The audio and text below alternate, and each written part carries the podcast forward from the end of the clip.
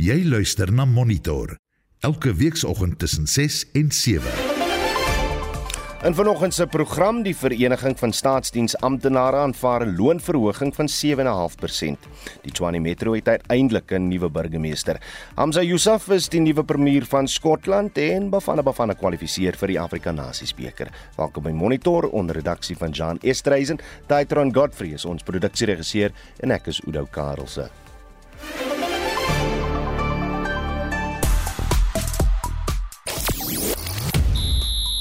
Sien die tergende oomblikke maar Bafana Bafana kwalifiseer vir die Afrika Nasies beker toernooi in Ivoorkus. Die Windies bly onoorwonde in T20 reekse in Suid-Afrika en die Blitsbokke in 'n taai groep vir die Hong Kong Sevens toernooi geplaas. Ek is Shaun Schuster vir RSG Sport. Op sosiale media is hitse wat baie aandag trek, die DA en Silje en dis natuurlik met verwysing na die DA se kokesleier in die Tshwane Metro Silje Brink se verkiesing tot burgemeester van die Tshwane Metro gister. Terwyl die EFF Brink se verkiesing gekritiseer het, sê Brink hy is gereed vir die taak. En dan word daar steeds gegis oor die Mangaung gevangene Tabo Bester en die omstandighede rondom die brand wat in sy tronksaal uitgebreek het verlede jaar. Wie se liggaam dit was wat gevind is en of Bester ontsnap het of nie. Die privaat sekuriteitsmaatskappy G4S wat in beheer is van die tronk het bevestig dat 3 tronkbewaarders van die Mangaung gevangenes in verband met die brand in Bester se sel afgedank is. Ek's later terug met nog sosiale media nuus. Nou die maatskappy Ipsos het onlangs marknavorsing gedoen oor wat die wêreld die meeste bekommer na die COVID-19 pandemie. Nou die navorsing toon dat inflasie nou die meeste ongemak in die wêreld veroorsaak. Dit volg eh, dit word liewer gevolg deur armoede en maatskaplike ongelykheid, misdaad en geweld, werkloosheid en finansiële en politieke korrupsie. Deel met ons wat in die stadium die meeste pla oor jou oorlewing. Stuur 'n SMS na 4588919 R1.50 per boodskap. Jy kan saampraat op Monitor en Spectrum se Facebookblad of 'n WhatsApp uh, stemnota kan jy ook stuur na die nommer 0765366961.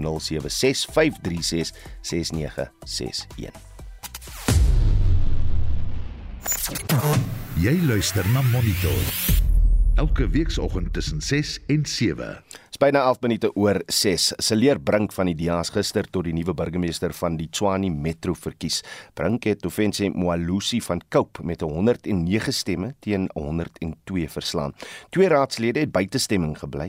Brink vervang Dr Morunwa Makwarela van Cope wat op 10 Maart bedank het na 'n sertifikaatskandaal.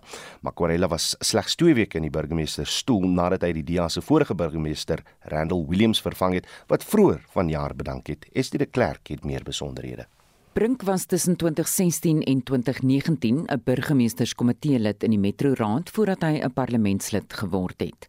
Die nuwe burgemeester hoop om bestendigheid in die munisipaliteit te bring. Brink sê hy gaan Kaapstad as bloudruk gebruik om die metro se geldsaake reg te ruk. We do look to success stories in the Western Cape, Cape Town places where government has been established, capable government, and we draw inspiration there. But we want to implement a plan to build a capable state and a strong coalition here in the north of the country. If in the next few months Swane avoids the fate of so many other municipalities in this country, we have to get control of Swane's finances and bring our spending in line with what the city can realistically collect. Die ANC het Cope se kandidaat vir die burgemeestersamp ondersteun. Die streekvoorsitter, George Machila, sê die ANC het geen vertroue in Brink se leierskap nie. We just hope for the best. Where we are seated, the DA represent the West. But since he's elected, we'll give him a chance to see as to what he does. But the DA damaged the Eguruleni, Johannesburg, everywhere they are, they are very bad. So we expect nothing better out of the DA, but maybe Bring as an individual can bring something. We have a responsibility to give him that chance as a person. Brink se teenstander, Ofense Moalusi van Cope, sê hy sal die nuwe administrasie verantwoordbaar hou. As the opposition, we will hold him to account and where we feel that he is not performing, we shall be back. We will partner with Councillor Brink in its efforts to deliver services to our people, particularly in the townships and in our neglected areas. It is of utmost importance that we stabilize the finances of this city. Die Vryheidsfront Plus het sy gewig agter Brink gegooi en hom gevra om korrupsie in die metroraad uit te roei. Burgemeester Brink sê die veelpartytjie-koalisie sal 'n mosie van wantroue in die spreker instel. Die verslag deur Pumzile Mhlangeni. Ek is Estie de Klerk vir SAK nuus.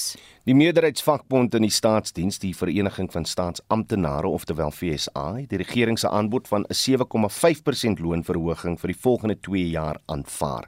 Dit volg nadat 'n verlengde staking deur 'n ander vakbond, NEHAWU, die regering gedwing het om hulle oorspronklike aanbod van 4,7% te laat vaar. Vir meer hieroor eh, praat ons nou met die hoofonderhandelaar van die FSA, Janie Oosthuizen. Janie, goeiemôre. Goeiemôre en goeiemôre aan die luisteraars. Hoe hoekom het julle besluit om die verhoging te aanvaar? Hallo nou om eerstens te sê ons is van mening dat uh, dit 'n uh, dit 'n aanvaarbare redelike uh, offer is wat die werkgewer op die tafel gesit het en ek dink ons moet ook die narratief van buitekant regstel. Ek dink nie dit dit net dit so seer gebaseer op 'n staking wat daar was deur deur een of twee vakbonde nie. Die meerderheidsvakbonde het besluit tydens die onderhandelinge dat ons die werkgewer gaan nader en uh, ons gaan probeer druk vir 'n beter ooreenkoms en dit is as gevolg van die van die intense onderhandelinge uh, agtertoe deure wat hmm. dit toe nou bewerkstellig het dat ons 'n beter offer op die tafel gekry het as 4.7. En gaan die verhoging terugwerkend wees en praat so 'n bietjie van uh, die ander voordele uh, in in in hierdie aanbod. Uh, die die verhoging sal met ingang van 1 April wees. 2023 wat die verhoging behels is dat die kontant gratifikasie wat daar is wat nie uh, pensioendraand was nie gaan nou pensioendraand word. Met ander woorde die lede se pensioen sal nou groei wat vir die afgelope 3 jaar nie gegroei het nie. Dan jaar 2 gaan dit dan die gemiddelde uh, uh, geprojekteerde inflasiekoers wees wat hulle vir ons gaan gee wat ons ook van mening is wat wat aanvaarbaar is as ons gaan kyk na die geprojekteerde inflasie tot en met 2027 is die aanduidings almal daar dat dit 'n redelike die inflasie redelik gaan wees tussen enigiets tussen 4.5 en 6.5 Ons het ook 'n klousule ingebring wat ons dus sê as die inflasie onder dit gaan wees, hmm. sal ons 4.5 kry. En as dit tussen 4.5 en 6.5 is, sal ons dan nou die inflasiekoers kry wat dan nou uh, die tussenin gaan wees. Hmm. So ons is vol vertroue dat dat die ekonomie sal beter doen en ons is vol vertroue dat dat ons lede ten minste nou weer sal kan asemhaal. Ons verstaan dat die die die rentekoerse alles gaan nou weer op en ten minste is dit 'n beter verhoging as as wat die huidige inflasie was of die geprojekteerde inflasie soos deur die minister aangekondig. So ons is ons is van mening dat dit 'n redelike ooreenkoms of 'n redelike offer is wat op die tafel is en dan ons het die ooreenkoms gaan vaar. Die ander eise wat ons gestel is kan is ongelukkig op die stadium nie bekostigbaar nie, maar ons het die werkgewer gevra dat ons dit in ander prosesse van die bedingingskamer wil onderhandel om te kyk waar ons mekaar kan vind om vir ons lede ander voordele ook te beding. Ek bly jy sê uh, sekere dele van die uh, skikking uh, strook met wat in die ekonomie gebeur. As daar nou nie groei in die ekonomie in die volgende jare is, is jy nie bang vir toekomstige afleggings nie. Nee, ons ons glo nie dit sal wees nie. Onthou dat dat die die die ehm um, staat is op rekord dat daar 'n groot tekort is in die staatsdiens veral in ons uh uh onderwyssektor, in ons gesondheidssektor en dan ook in ons uh sekuriteitssektor. Met ander woorde, uh, ons kan nie toelaat dat daar enige afleggings kan kom nie, uh gegee word die feit dat daar tekort is aan personeel en uh, dit is op rekord ewen uh, in in die, in die begrotingsrede is dit aangedui dat daar 'n groot tekort is en daar is fondse begroot om meer mense aan te stel in die breë staatsdiens. Lyk dit asof nou ook gaan uh, onderteken of hoe? Wel op hierdie stadium lyk dit nie so nie. Dit is die meerderheidsvakbonde uh wat tans uh uh um mandate gekry het om die ooreenkoms te onderteken. Onthou, Nahawu was nie deel van die van die onderhandelinge nie. Hulle het verkies om nie deel te wees van die van die proses nie. En in hulle eie reg het hulle is hulle gemandateer deur hulle lede om ander proses prosesse te volg.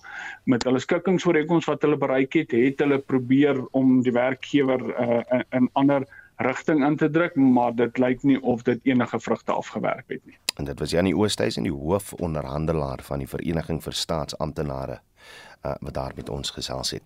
Die leier van die DA, John Steenhuisen, hoop om die naweek die party se federale kongres vir 'n tweede termyn verkies te word. Planne word ook gemaak vir volgende jaar se algemene verkiesing en die teiken is om die ANC se 50% meerderheid onder kiesers te verminder. Ons ontleed die saak met professor Erwin Schwelle van die eh, skool vir sosiale innovasie aan die Huguenot College. Erwin, goeiemôre. Môre Oudo, môre luisteraar. Kom ons begin eers met wat jy sou skat die grootste probleme binne die DA was sedert Steenhuisen oorgeneem het. Die groot dilemma is natuurlik dat eh uh, meneer Steenhuisen moet sorg dat die bestaande steen en dit was ook steen wat oor tyd gekrimp het as gevolg van die groter politieke dinamika, maar dat die bestaande steen van die party behou word. En dit is eintlik die uitdaging Hoe verander jy beleidsrigtings om 'n groot meerderheid wat werklik ernstige behoeftes het te akkommodeer um, terwyl daar 'n groep is wat jou tans ondersteun wat 'n belang daarbey het dat dit stadig gedoen moet word dat dit behoorlik gedoen moet word. Daar sit 'n stuk spanning tussen daai idees en ideologie en kultuur wat die party nodig het om sy bestaande steun te behou en dit wat gedoen moet word om die nuwe kiesers aan te spreek wat getref word deur die groot mate van ongelykheid en armoede wat steeds bestaan hmm. en wat hulle voel aangespreek moet word deur 'n politieke party. So dis 'n soort ehm um, dilemma van die politieke ekonomie in Suid-Afrika en die DA moet probeer om die beste daarvan te maak om ou steen te behou en ook beleide en ideologieë en standpunte te kry wat nuwe steen kan werf en dit is nie maklik in 'n diep verdeelde samelewing soos Suid-Afrika waar daar groot armoede is en ook welvaart as gevolg van die ongelykheid van die verlede nie. Kan 'n populasie werklik teenstand bied hierdie naweek? Sy is 'n baie uitnemende ehm um, jong professionele en kom ons sê dan nou 'n vrou. Ehm um, en sy kom uit uit uit, uit die meerderheidsgroepe uit. Sy het 'n bepaalde ehm um, aanslag, ehm um, sy sy's beredeneerd, sy's rasioneel. Ehm um, wat sy wel sal moet doen is om juis ook hierdie dilemma te oorkom. Hoe projekteer sy haarself as 'n partyleier binne die party om gesien te word dat sy hierdie meer kom ons sê stadige verdelingsbenadering volg en dat sy aanvaarding vind by die bestaande kiesers van die party. Hmm. Ehm um, as sy dit nie reg kry nie, gaan sy dieselfde weg loop uh, as wat meneer Musi Maimane geloop het en is dit ook uiteindelik 'n deel van die eintlik sistemiese spanninge wat minder te maak het met haar eie leierskapsvermoëns as wat dit het met die spanninge binne binne ons samelewing. Die DA se kiesers steun net in die algemeen algemene verkiesing in 2019 gedaal tot 20,77% en boonop het hy 'n heelwat van sy swart leierskap verloor. Wat moet die party doen om steun te vermeerder veral onder jong en dan swart kiesers in Suid-Afrika? Wel die grootste uitdaging is ehm uh, dat op een of ander manier moet daar oplossings gevind word deur die DA en ander politieke partye, sluit die ANC um, en die EFF in. Al die partye, maar kom ons kyk nou na die DA om aan die groot hoeveelheid uh swart meerderheidskiesers en hulle is jonk en is 'n groeiende getal jong mense om aan hulle beleide te bied wat hulle oortuig dat wat hier gaan gebeur gaan hulle situasie verbeter. En weer eens dit skep 'n stel uitdagings omdat jy kan sê ons gaan dit radikaal doen, ons gaan doodgewoon grootskaalse herverdeling doen en um, wegneem van die wat het en gee vir die wat nie het nie. Maar dit is ook nie noodwendig op die langtermyn volhoubaar nie. Maar dit um, skep daai situasie dat jy moet iets vind wat 'n middeweg is hmm. tussen 'n kompromis is tussen hierdie radikale herverdeling en uiteindelik langtermyn groei. En dit is waar die DA werk daar is beleide binne die DA wat ek dink hulle baie meer moet aan die orde stel, soos byvoorbeeld hulle hulle 'n uh, eh, politieke ekonomiese beleid van die sogenaamde sosiale uh, mark waar jy met die mark ook verdeling skep wat hulle baie meer moet propageer en dit mag vir hulle groter steun werf oor tyd um, onder hierdie groot groep kiesers. Reg, breër kwessie vir die DA DA maar ook vir die ander politieke partye. DA wil die ANC onder 50% van kiesers steun kry in 2024 wat wat moontlik kan lei tot 'n koalisieregering op nasionale vlak en en selfs op provinsiale vlak soos byvoorbeeld in Gauteng en in Noord-Kaap. As Erwin, as ons kyk na na wat met die burgemeesterskap van Tshwane gebeur het. Solium Simang sê vanoggend die knoop is deurgehak vir uh, Celeerbrink omdat die koalisie vennote ontslaag geraak het van 5 raadslede wat blykbaar omgekoop is toe Moronwa Makwarela verkies is. Hoe word dit aan bande gelê in die toekoms? Ek weet daar is wetgewing wat nou daar sit wat hierdie DA voorgestel is oor koalisieregerings, maar hoe uh, uh, raak ons ontslaaf van van van hierdie onvolwasse koalisiepolitiek wat ons sien? Wel om mee te begin, kom ons sê maar net die DA probeer om die ANC onder uh, 50% te kry. Die ANC kry dit relatief goed reg om dit self reg te kry dat hulle onder 50% kan kom. Ehm um, nou terug by koalisiepolitiek. Uh dit het uit die aard van die saak nodig dat 'n mens oor die hele stelsel gaan kyk na wat hierdie koalisiepolitiek so onstabiel maak. En laat ons dit ook sê, ons gaan eerstens koalisiepolitiek as 'n realiteit kry of ons dit nou wil hê of nie. En tweedens is dit nie noodwendig 'n slegte situasie nie.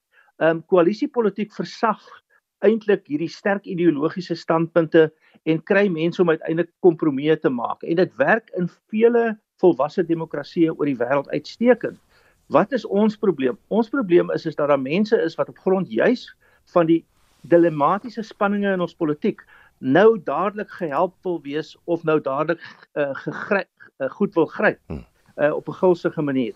So ons sal die die strukture en die kultuur moet verander. Dis langtermyn dinge die kultuur dat ons werk aan die beter voordele vir al ons mense, die strukture om uiteindelik die wetgewing reg te kry. Dis beleidsveranderinge wat tyd gaan neem. Dis waar die wetgewing en die wetsontwerpe nou inkom en dan uiteindelik moet ons integriteit in die saak inbring dat hierdie mense almal sê dit gaan nie daaroor dat ons 'n posisie moet kry waar ons meer geld kan verdien en uiteindelik ten koste van die kiesers en dienslewering optree sonder integriteit nie.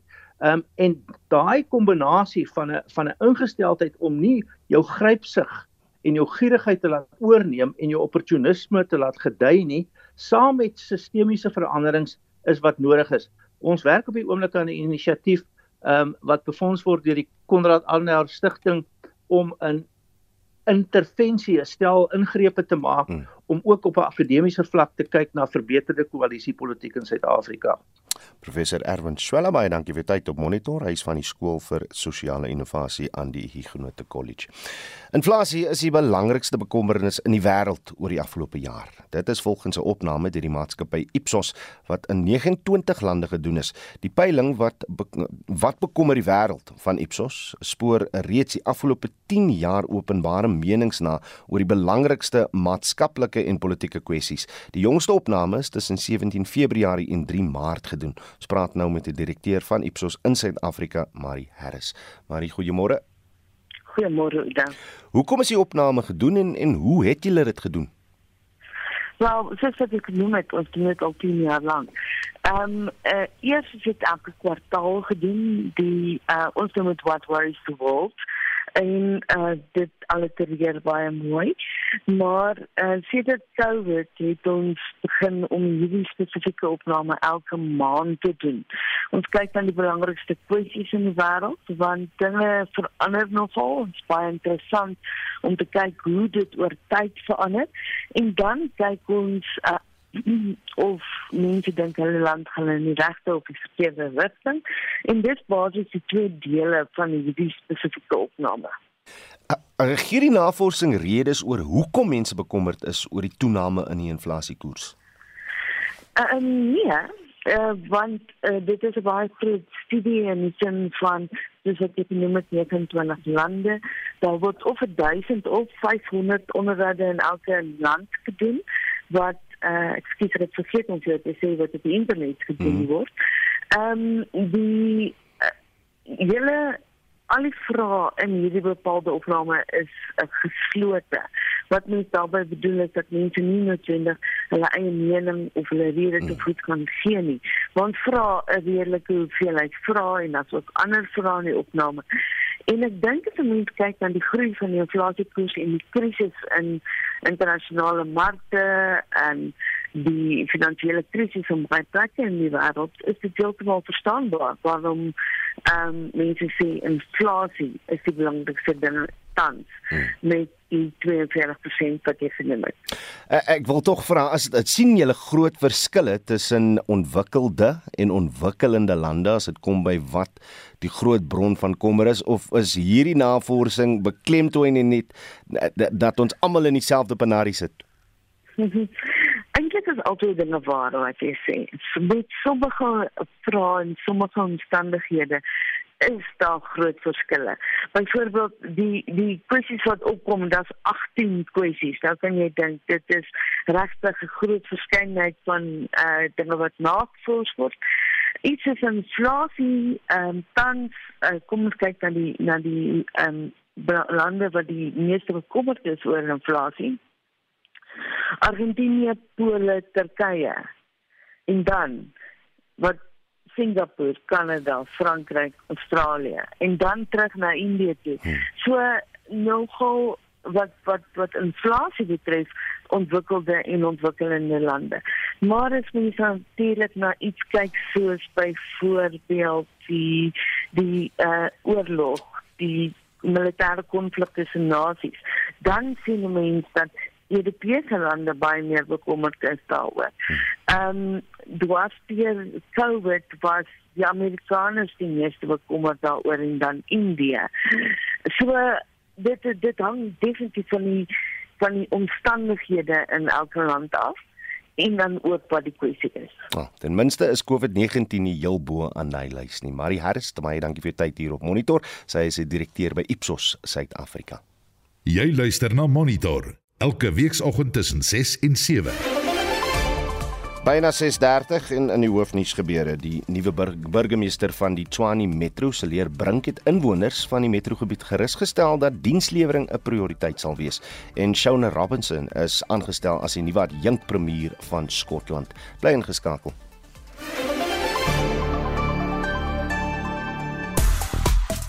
Want julle het dan gehoor by Ipsos oor die navorsing wat hulle gedoen het wat toon dat inflasie die uh, meeste ongemak in die wêreld veroorsaak. En vanoggend wil ons uh, net hê dat julle deel met ons wat uh, in die stadium die meeste pla oor uh, jou oorlewing. Op Facebook uh, sê Jack Waterboer, goeiemôre Oudo Karelse en die res van die Monitor redaksielede, die werkloosheidsyfer pla my die meeste in die land en uh, in my tuisdorp. As gevolg van werkloosheid dra dit by tot die volgende faktore: armoede en maatskaplike maatskaplike ongelykheid, misdaad en geweld, gebrek aan akademiese onderrig en hy sluit net af om te sê mooi dag vir julle uh groete uit Strydenburg. Van die ander boodskappe Bets Ferreira sê ons grootste bekommernis daagliks is misdaad. Ons land verval onder bendes en kartelle. Die nasionale gesondheidsplan bekommer my ook baie want openbare gesondheid is elendig as ook ewige prysstygings. Kos styg letterlik weekliks en haar sluit sluit, sluit sy nou weer aan by uh, die wêreld se kommernis oor inflasie. Stuur gerus nog van julle SMS'e deur na 45889 teen R1.50 per boodskap. Jy kan ook lekker saamgesels soos hierdie luisteraars doen op uh, Monitor en Spectrum se Facebookblad of uh, stuur vir ons 'n WhatsApp stemnota na die nommer 0765366961.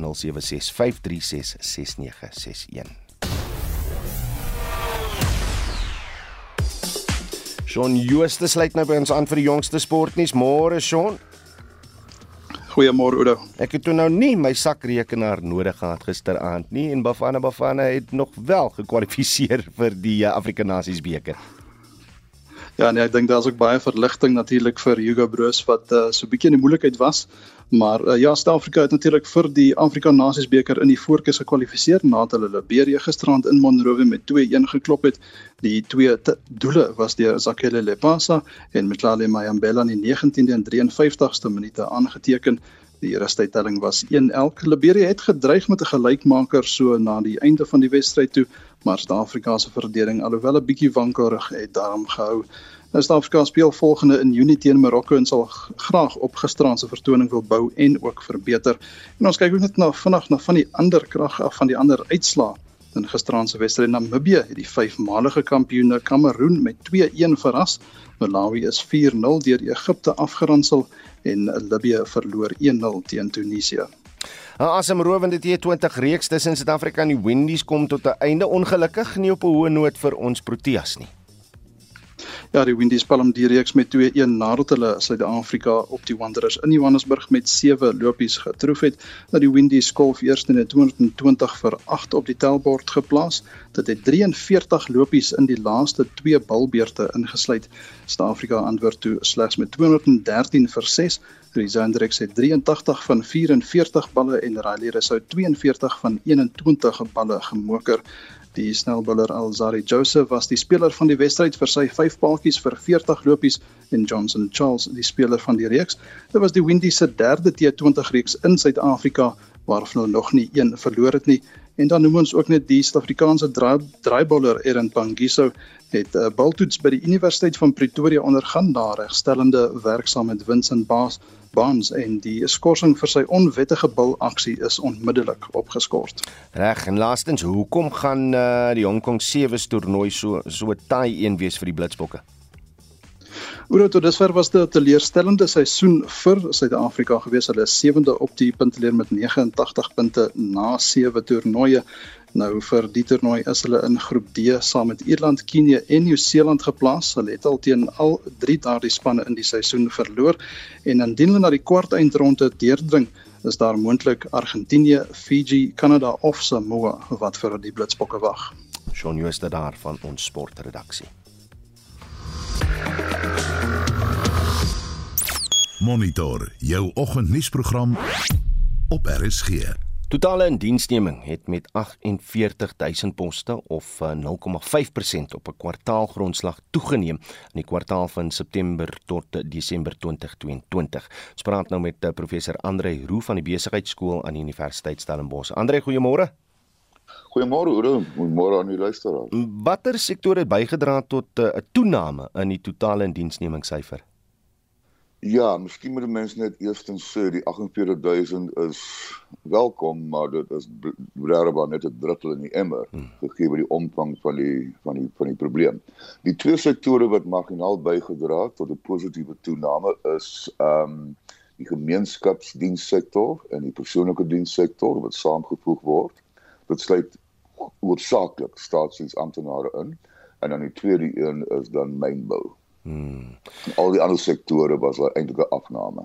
Wat so gepraat van 'n afname, ehm um, voor ons daarby uitkom dat daar was geen verandering tussen die kwartale in die vervaardigingssektor nie. Waaraan kan dit toegeskryf word? Want dit is 'n dit dit is 'n bekommernis. Dit is 'n bekommernis inderdaad. Ehm um, ek dink die groot rede daarvoor is maar die feit dat die ekonomie maar redelik pap is. Uh en redelik is dalk 'n sagte woord daarvoor ons weet dat die land op die grens is van 'n die ekonomie is op die grens van 'n tegniese resessie.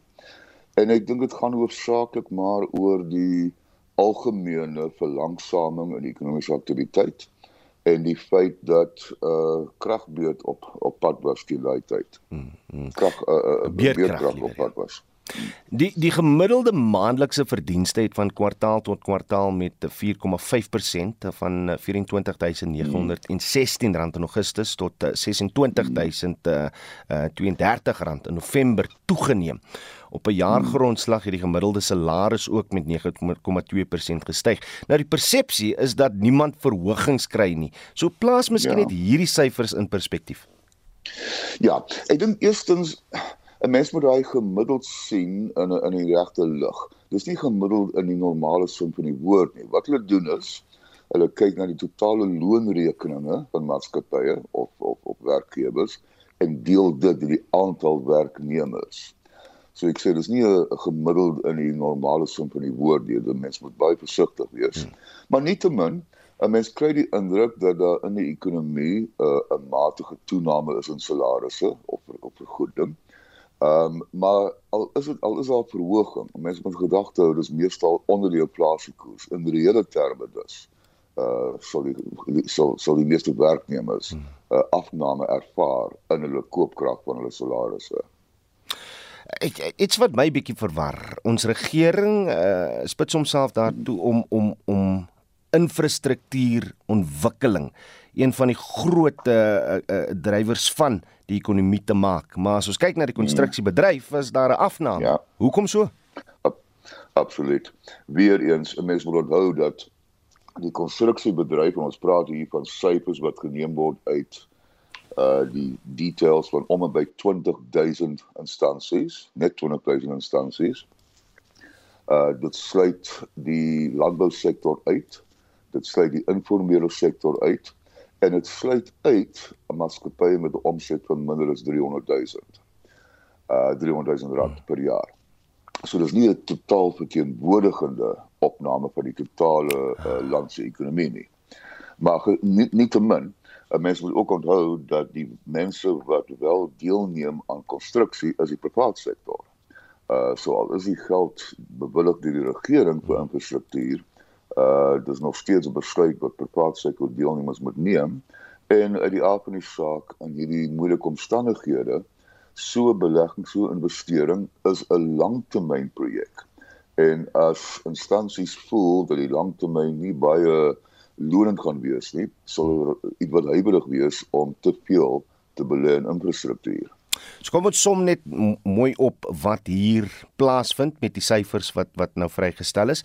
Jy jy mm -hmm. reg voor in die gesprek gesê dis maar 'n druppel in die emmer en die tweede ding as ja. ek moes opsom is dat daar nog te veel staat gemaak word op deeltydse indiensneming. Ja, 'n mens moet ook daai woord deeltyds in die regte konteks sien. Hmm. Uh dis nie dieselfde as ehm um, tydelik nie. Ons praat nie van tydelike werknemers nie. Dis 'n ander dis 'n ander begrip. Deeltyds beteken dis permanente werknemers wat minder as 40 uur per week werk. Hmm. Ehm um, ek wil ook herhaal, hierdie syfers sluit die informele sektor uit. Uh dit is net gebaseer op om en by 20 000 maatskappye wat vir BTW geregistreer is.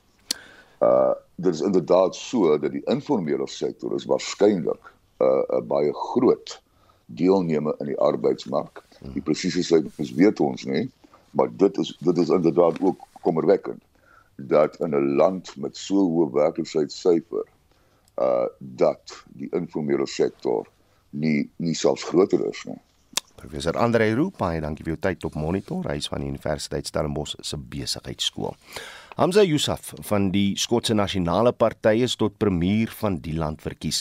Hy volg Nicholas Sturgeon op wat vroeër bedank het. Ons praat nou met 'n professor in praktyk aan die Universiteit van Johannesburg, professor Theo Venter. Theo, goeiemôre. Goeiemôre. So in 'n nette dop, wie is Hamza Yusuf? Wel, hy is ehm um, die eerste persoon wat aangestel word. Eintlik moet 'n mens nie sê as premier van Skotland nee. nie, want dit ver, is verwarrend met betrekking tot die premier van Groot-Brittanje hmm.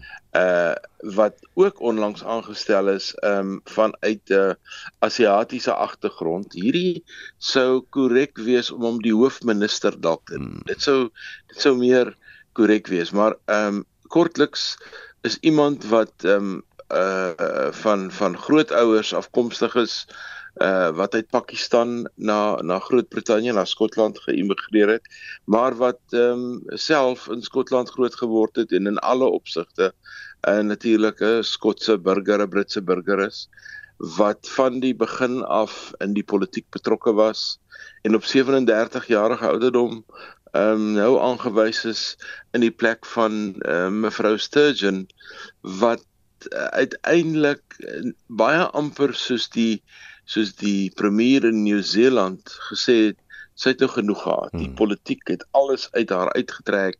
Jy sal onthou dat sy baie hard gewerk het vir Skotse onafhanklikheid en dat sy nou besluit het om uit te tree en nou is hy gekies. Mm. So gepraat van Skotse onafhanklikheid, Joseph beplan anders as uh, Nicola Sturgeon eerder om 'n konstante meerderheid in die party vir vir onafhanklikheid te kry voordat hy die kwessie van onafhanklikheid in 'n referendum gaan toets. Hoekom wil van die Skotte onafhanklikheid hê en kan Joseph die man wees uh, om dit te doen? Ek dink Skotse onafhanklikheid is so bietjie op die sy sy baan geplaas. Uh Nicola Sturgeon het die het die opwelling van Skotse onafhanklikheid en en dat die Skotte graag onafhanklik van Brittanje wou wees en dit was veral gemotiveer deur die Britse uittrede uit die Europese Unie wat ons nou ken as Brexit. Hmm. Die Skotte wou nie uittreë nie. Die Skotte wou deel gebly het van die groter Europese Unie, maar ehm um, die politiek in Groot-Brittanje het hulle eenvoudig ehm um, oorheers en so is die hele Groot-Brittanje dis uit Brexit uit en as ek nou reg verstaan wat Josef sê dan is is hy eintlik anti-Brexit. Hy wil terug hmm. na die Europese politiek toe. Ehm um, dis sy eerste prioriteit. Skotse onafhanklikheid is sy tweede prioriteit. Nou Skotse onafhanklikheid kan net gebeur as daar genoeg politieke partye is met genoeg steun en genoeg aandrang op onafhanklikheid van Groot-Brittanje soos ons dit nou hmm. ken En ek dink dit het 'n bietjie vervaag oor die laaste tyd. Reg, jy het nou daaraan geraak heel bo in die uh, gesprek tussen die twee van ons. Engeland het 'n eerste minister, Rishi Sunak van Indiese Hindu afkoms. Ierland se eerste minister, ja. Leo Varadkar, is uh, van Indiese afkoms en Skotland het nou 'n uh, 'n uh, premier van Pakistaanse afkoms. Die die bekende menseregte prokureur Jelena Balo Rahman het grappende daarna verwys as the empire strikes back. Maar maar wat moet ons daaruit leer? of aflei?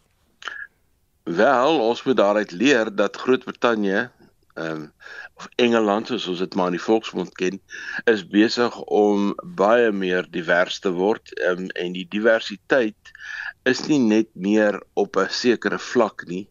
Die kinders van immigrante wat nou in Groot-Brittanje het nou in in die ware sin van die woord uh Britse burgers geword, het in die politiek begin betrokke raak, uh is um is wel af um en wil graag hulle rol speel. So ek dink ons sien hier eintlik um 'n refleksie van die diversiteit wat 'n mens in Groot-Brittanje in deesdae kry. Professor Theo Venter, dankie vir jou tyd op monitor. Hy is 'n professor in praktyk aan Universiteit van Johannesburg. Die aanstelling van 'n minister van elektrisiteit beteken nie noodwendig dat die kragkrisis in die kort en medium termyn opgelos sal word nie. Professor Frikkie Maree van die Departement van Landbouekonomie aan die Universiteit van die Vrystaat sê Suid-Afrikaners besef nie watter invloed Eskom op kosproduksie het nie. Die groot probleem met beerdkrag kom dat die Suid-Afrikaanse ekonomie oor baie jare ontwikkel het rondom Eskom, rondom 'n sentrale verskaffer van energie en dit het veroorsaak dat ons baie afhanklik is van Eskom om daai energie te verskaf. Nou as ons kyk na die landbousektor, is daar baie produsente wat afhanklik is van besproeiing en hierdie besproeiing kan basies nie sonder Eskom geskied nie. Private opwekking is net te min om genoegsame krag te lewer om spulpunte aan te dryf, waterpompe aan te dryf vir 'n voorbeeld. So Eskom het vanaf primêre produksie veral wat dan besproeiing betref, dwarsteer die waardeketting om produkte te verwerk en om dit dan by ouend te versprei en in die koue ketting te hou, 'n invloed op hoe kos geproduseer en verwerk word.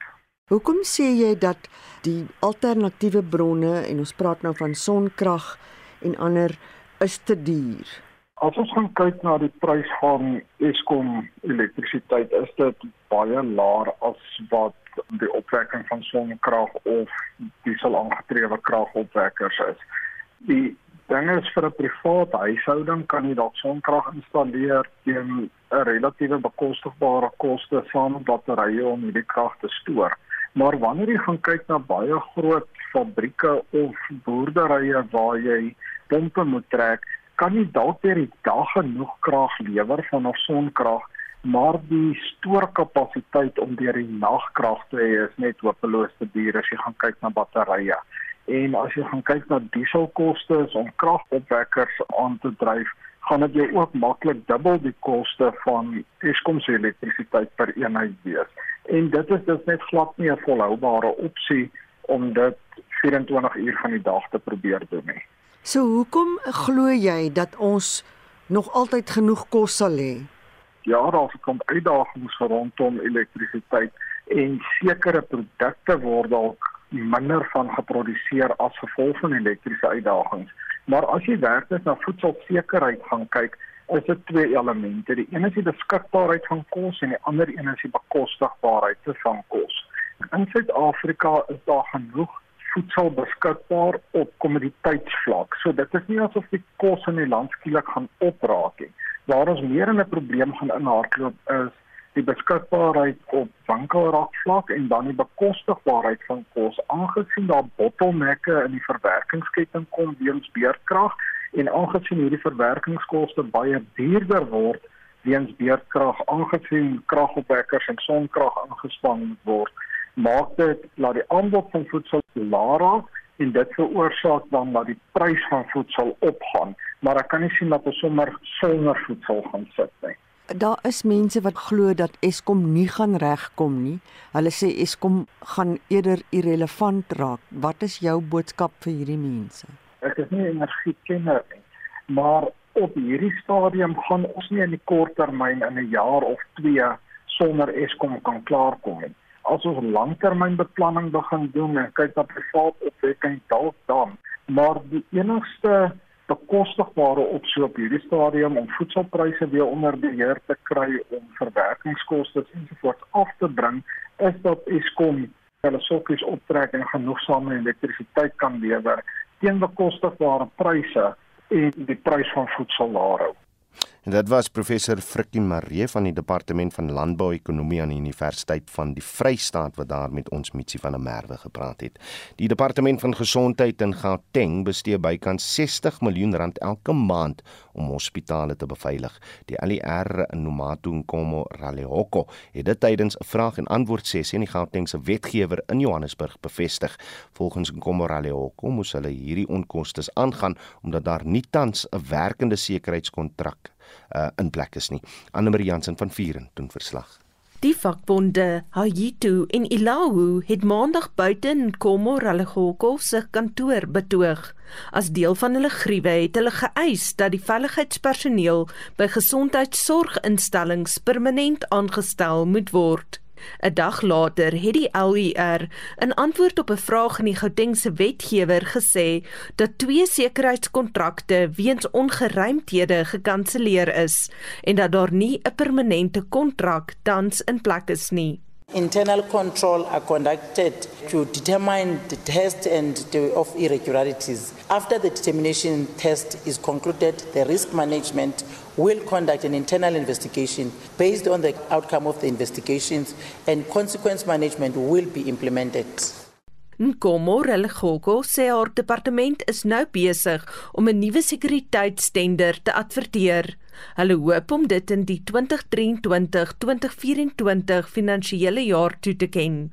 Maar die DA se woordvoerder oor gesondheid in Gauteng, Jack Bloem, sê dit is 'n skandaal dat gesondheidsgeriewe nie behoorlike veiligheidsdienste het nie.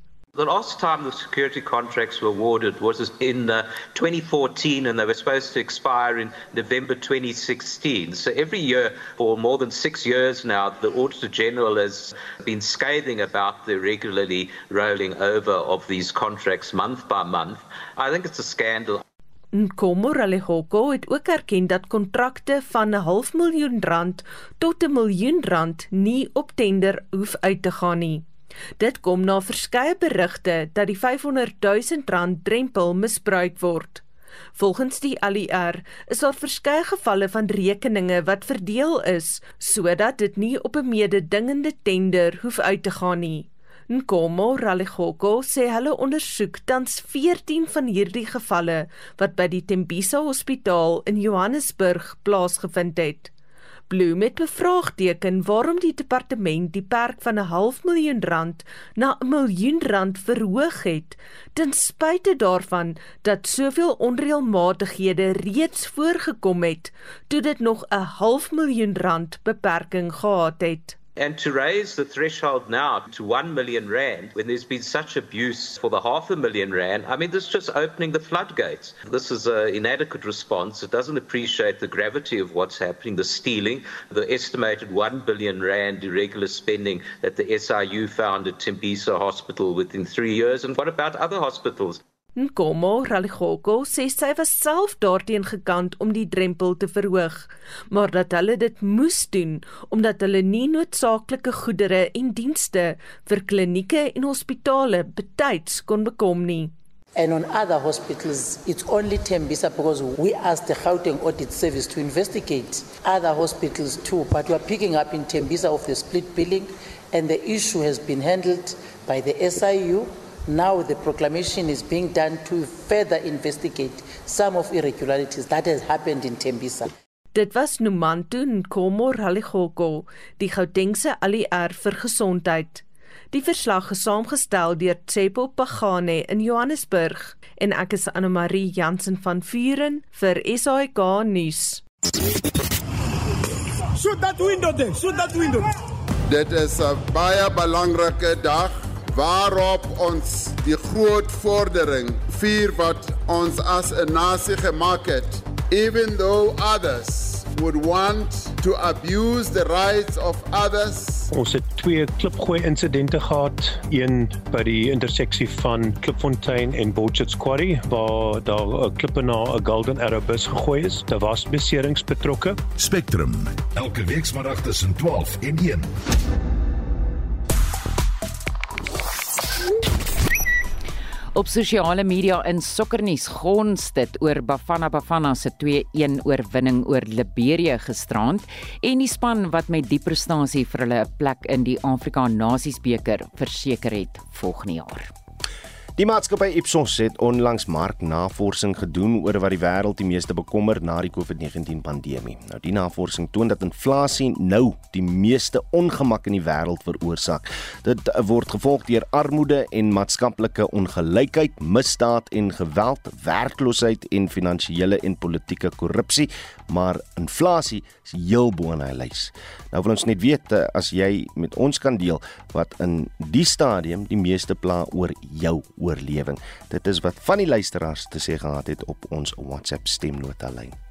Die grootste probleem vir my is die feit dat jy vir 10 jaar vir die company werk en nie 'n verhoging kry nie. Kyk wat is die prys van goed en nou. Kyk hoe hoog is die kosprys. Hulle gee nie om nie. Hulle wil net geld pocket die hele tyd en hoor nie oor die werkers nie. Hoe kan jy vir 10 jaar werk sonder 'n verhoging? Maar ons ou mense wat 1980 rand kry. Jy kan nie kos koop nie, jy kan nie klere koop nie, jy kan niks doen nie. Jy kan nie eers jou water en ligte betaal nie. Jy kan nie eens jou erfbelasting betaal nie. Jy kan nie eens kos koop nie. Jy kan nie eens vir jou warm dingetjie koop nie. Jy kan nie eers vir jou iets sê, hoorie, ek het hierdie maand vir my 'n paar sentjies net om vir my 'n paar skoentjies of iets te koop nie. Ag nee, mens kan nie so aangaan nie. En dan is daar ook 'n paar boodskappe op die SMS lyn uh, Samuel Walters van Gouda se ek bekommerd oor waterwese wat ons waterbronne afskeep. En uh, op Facebook miskien nog so een of twee boodskappe. Ja Jean Smit sê Sassa pensioen moet drasties verhoog word of verhoog, verhoging kry. Ons ou mense vrek van die honger sê sy. Stuur gerus nog van julle SMS'e deur na 4588919 R50 per boodskap. Jy kan ook saampraat op die Monitor en Spectrum Facebookblad of WhatsApp vir ons 'n stemnota na 0765366961. Eendag kan ons lekker hoor van jou vanmiddag op Spectrum en ook op Brandpunt. Onthou vorige uitsendings van al ons nuusaktualiteitsprogramme is as 'n potgooi beskikbaar op RSG se webtuiste. Gaan net na www.rsg.co.za en jy sal dit daar vind. Ons groet dan namens ons uitvoerende regisseur Nicoline de Wee, die redakteur vanoggend Jan Esterhuizen, ons produksieregisseur Daitron Godfrey en ek is Oudo Karelse. Op en wakker is volgende geniet jou dag in die geselskap van RSG. Totsiens.